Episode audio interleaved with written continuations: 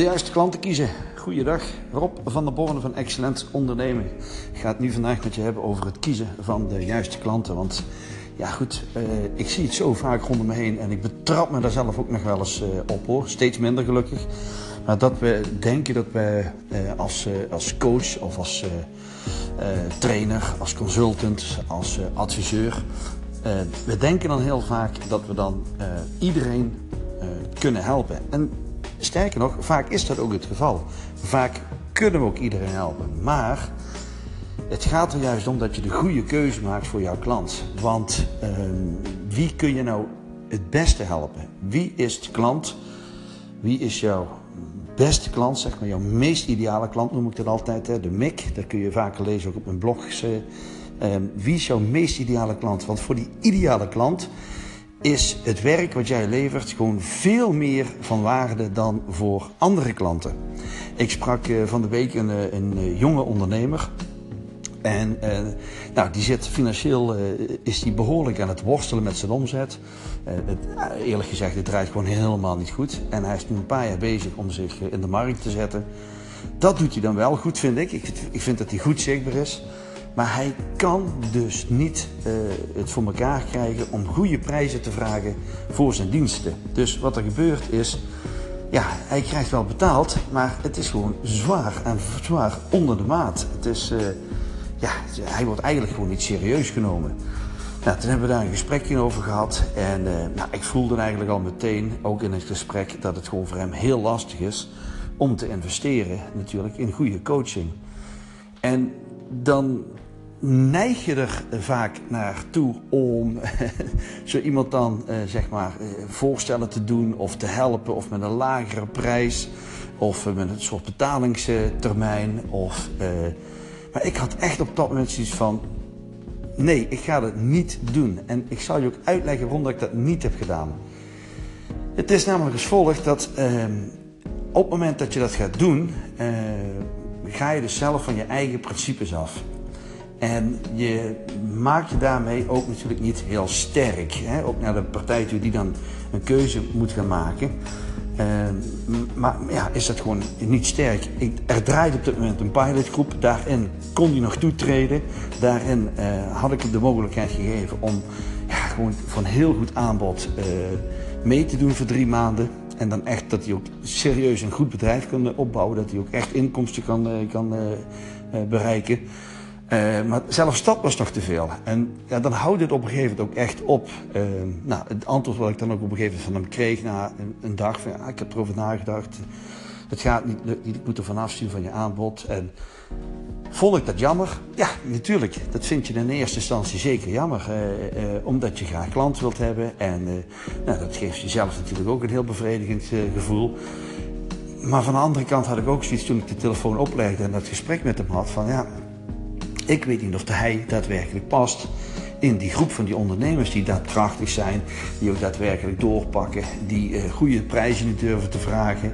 Uh, hè, zoals ik al eens heb gezegd, ik ben bezig met die consultant. Nou, die gaat gewoon dit jaar, zoals het nu uitziet, uh, in elk geval die 100.000 tot 150.000 euro gaat hij verdienen.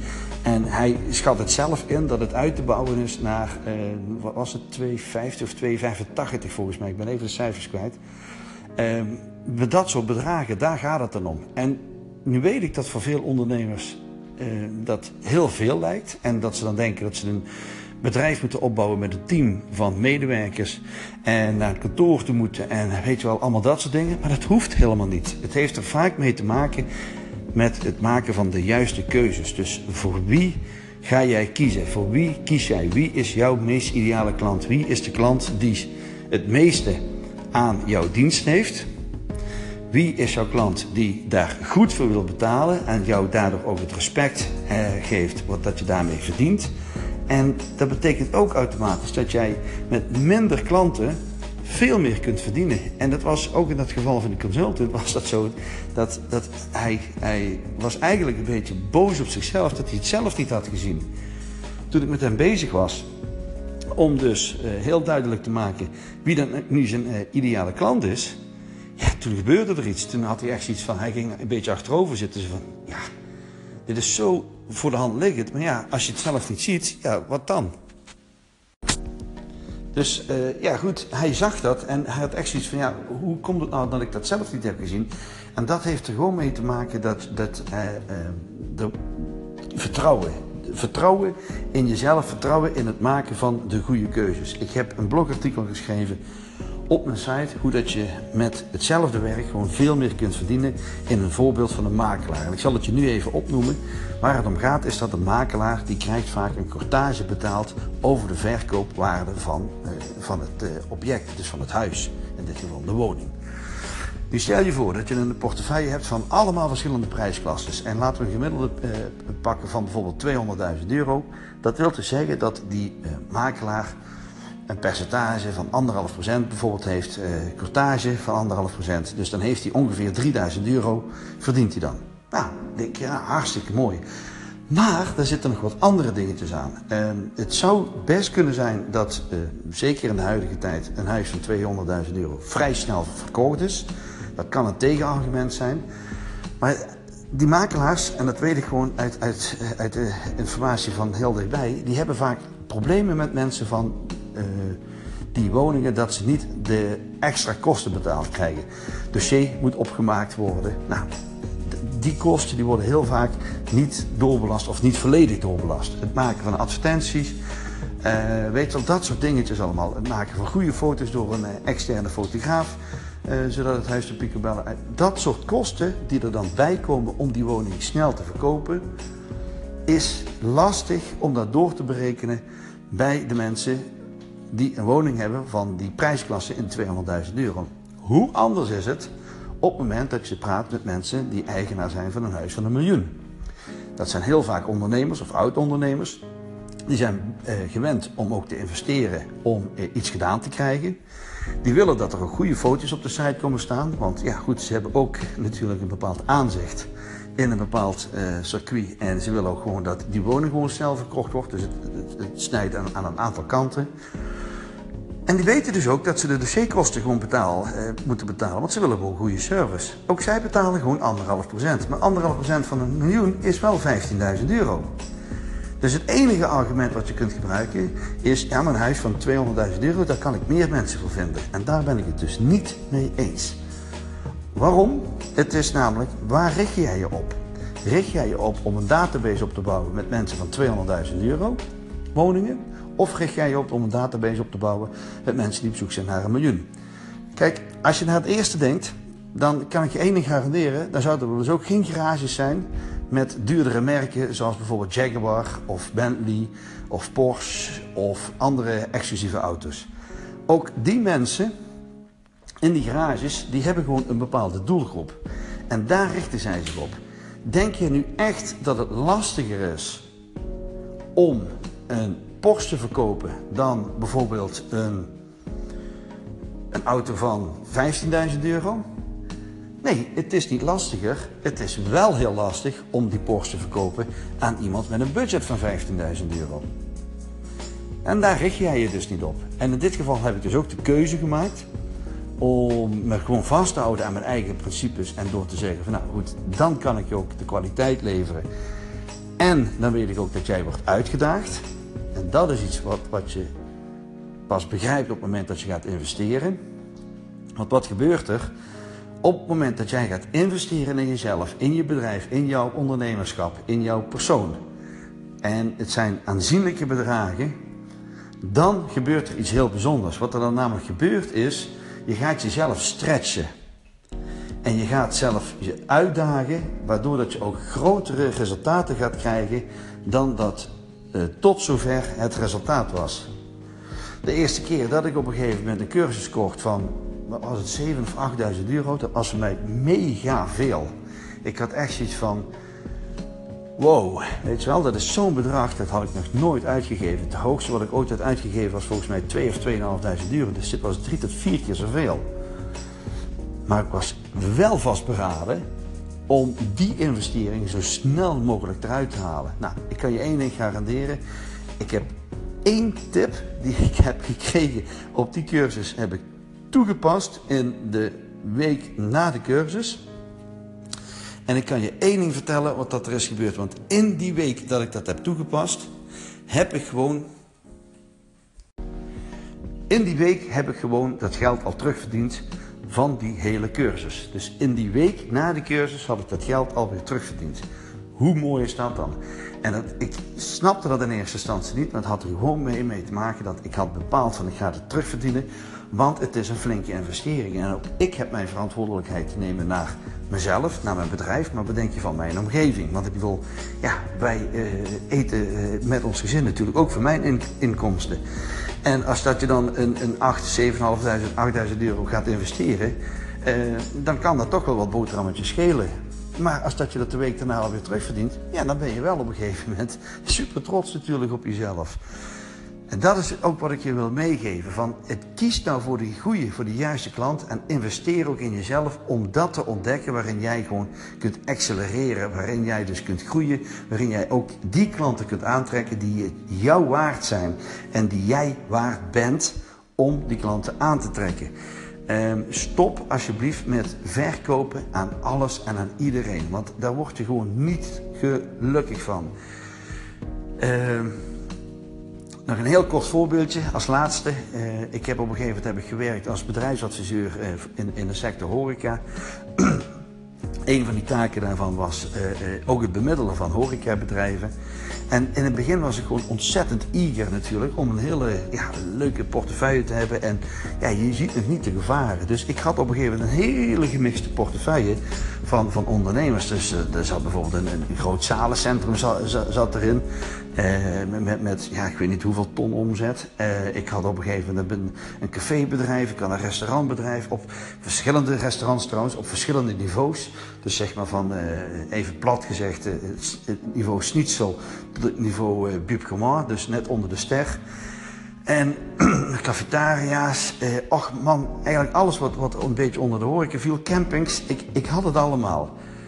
Maar wat gebeurt er dan? Je bent van hop naar her het rennen zonder geld te verdienen. Omdat ja, iedereen heeft vragen, elke klant heeft vragen. Met elke klant wil je het goed doen, dus je gaat regelmatig ook contact uh, blijven onderhouden. Nou, dat contact onderhouden, dat doe je door een keer langs te rijden, een kopje koffie te drinken, door een keer te bellen, door een keer een mailtje te sturen. Maar daar gaat allemaal tijd in zitten. En ja, dan had ik bijvoorbeeld een keer een leuke cafetaria in de België, want voor een restaurant. Ja, eh, nou, die prijsklasse heb ik niet, maar ik heb wel een cafetaria. Dan zou je kunnen zeggen, ja, dan kun je tenminste altijd wat aanbieden. Maar je maakt er niemand gelukkig mee, want die vent aan die andere kant, die denkt, die koper, ja, dit is ook gewoon zonde van mijn tijd, want dat zoek ik gewoon niet. Nou, wat heb ik op een gegeven moment gedaan? Ik heb er een keer royaal de bezem erin gehaald. En ik heb mijn hele assortiment, mijn hele aanbod, heb ik op een gegeven moment opgeschoten. Ik heb netjes afscheid genomen van de klanten die ik niet meer wilde dienen. Uh, zij zagen dat ook wel in. En met de rest ben ik uh, gaan wandelen. Want daar, daar, of sterker, daar ben ik mee gaan rennen. Want op een gegeven moment had ik gewoon een heel mooi uh, aanbod. Allemaal een beetje in dezelfde prijsklasse. Zodat ik de aangewezen persoon was die je moest bellen voor dat aanbod. Kijk, en dan ben je op een gegeven moment eigenlijk een natuurlijke keuze. Uh, zelfs op het kantoor met 20 mensen, dat op een gegeven moment uh, collega's doorverwezen naar mij toe, wanneer dat ze een kandidaatkoper hadden, van ja, dan, ik zal je even doorschakelen met Rob, want die zal zoiets ongetwijfeld hebben. Hoe gemakkelijk is het dan om uh, iets te verkopen en dus ook om geld te verdienen?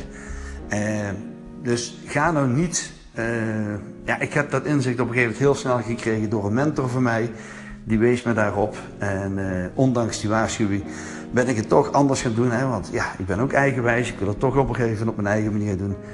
Ja, en ik had het op een gegeven moment echt heel snel gezien. Al na een paar maanden. Ik geloof dat ik half, na drie kwart jaar heb ik die uh, switch gemaakt. En daardoor ben ik gewoon echt veel gemakkelijker geld gaan verdienen. En, en had ik ook veel meer tijd voor mezelf. Uh, ik, ik, werkte bijna nooit op vrijdag meer. Ik werkte nog maar 3,5 nou, tot 4 dagen in de week op die manier. En toch gewoon ja, een goed leven hebben.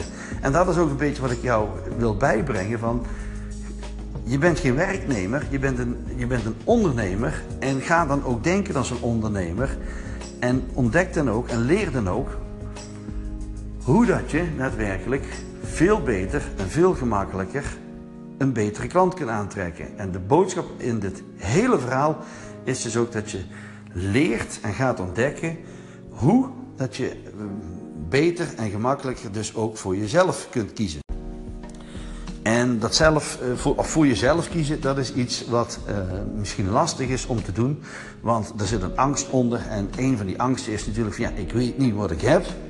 Oké, het is niet optimaal, het is niet maximaal, het is niet echt iets waar ik heel blij van word. Maar dit is wel wat ik nu heb. Ik wil graag naar een andere situatie toe die mij veel meer kan brengen.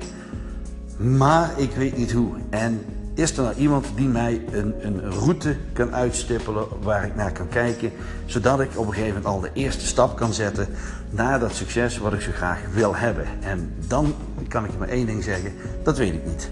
Ik weet dat ik heel veel ondernemers kan helpen, met ze voldoen aan een aantal voorwaarden.